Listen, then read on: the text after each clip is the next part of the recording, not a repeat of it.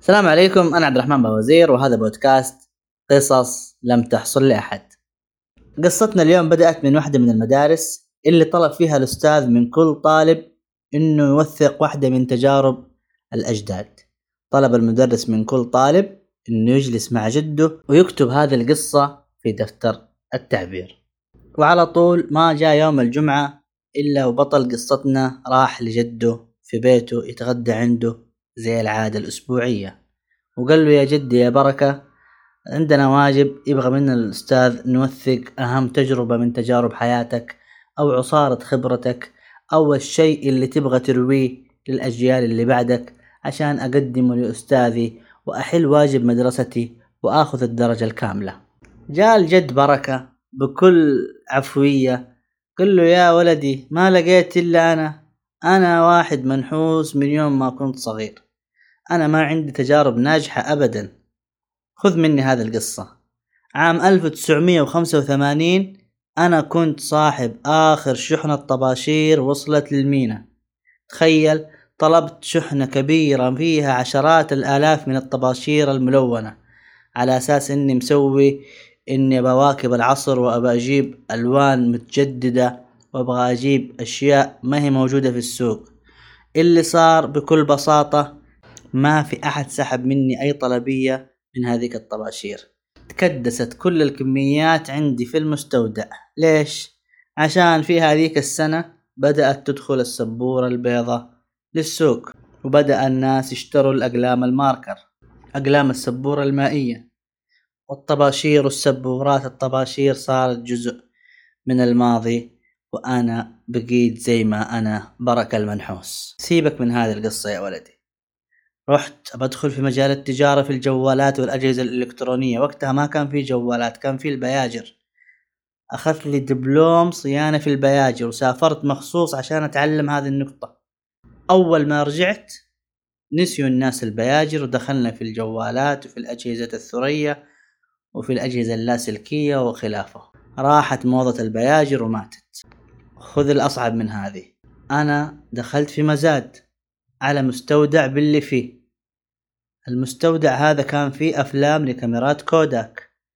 كاميرات كوداك هذه كاميرات فوتوغرافية. كانت ما تصور إلا بالفيلم الأسود. يمكن الآن ما تعرفوا يا ولدي. بس هذه كانت وقتها وسيلة التصوير حقتنا ووسيلة التحميض. أخذت المزاد كله وفزت بالمستودع باللي فيه. وطبعا زي ما أنت عارف ما في أحد الآن يستعمل أفلام في الكاميرات. خذ اللي بعده. فتحت لي مقهى إنترنت. جبت لي عشرين جهاز وعشرين طاولة مكتب وشبكة وإنترنت واشتراك وإيجار وديكورات. ما مرت ثلاث سنين إلا والإنترنت وصل لكل بيت وفي كل جهاز و WiFi و DSL وأسعار رمزية والمقهى حقي تقفل.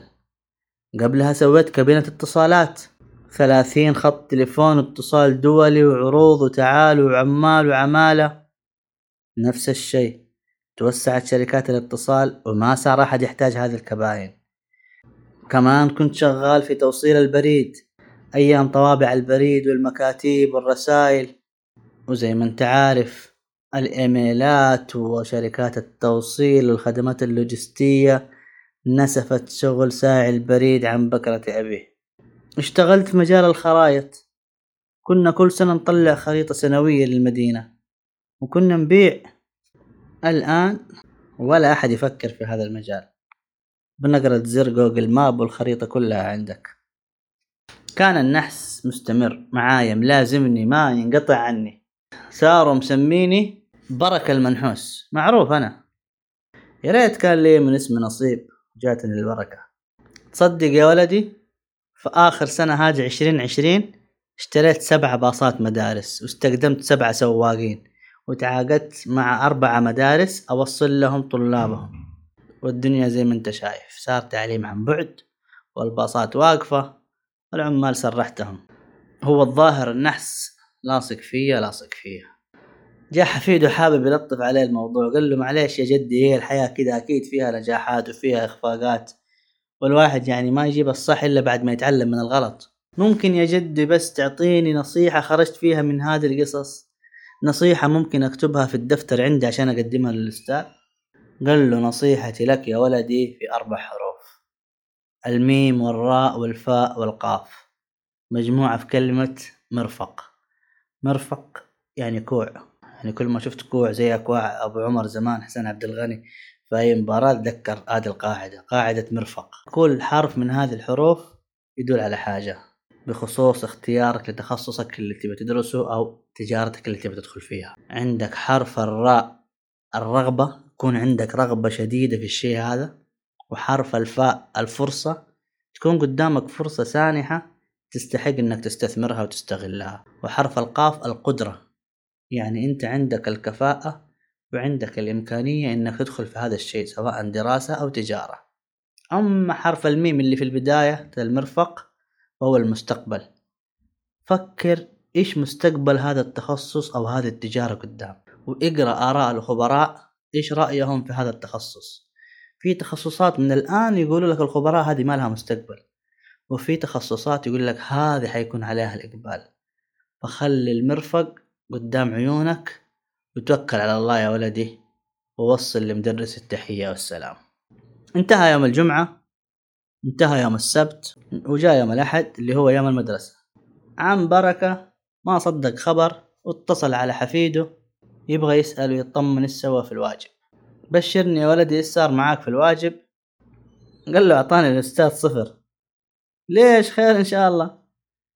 قال له الدفتر اللي كتبت فيه كل شيء نسيته عندك في البيت.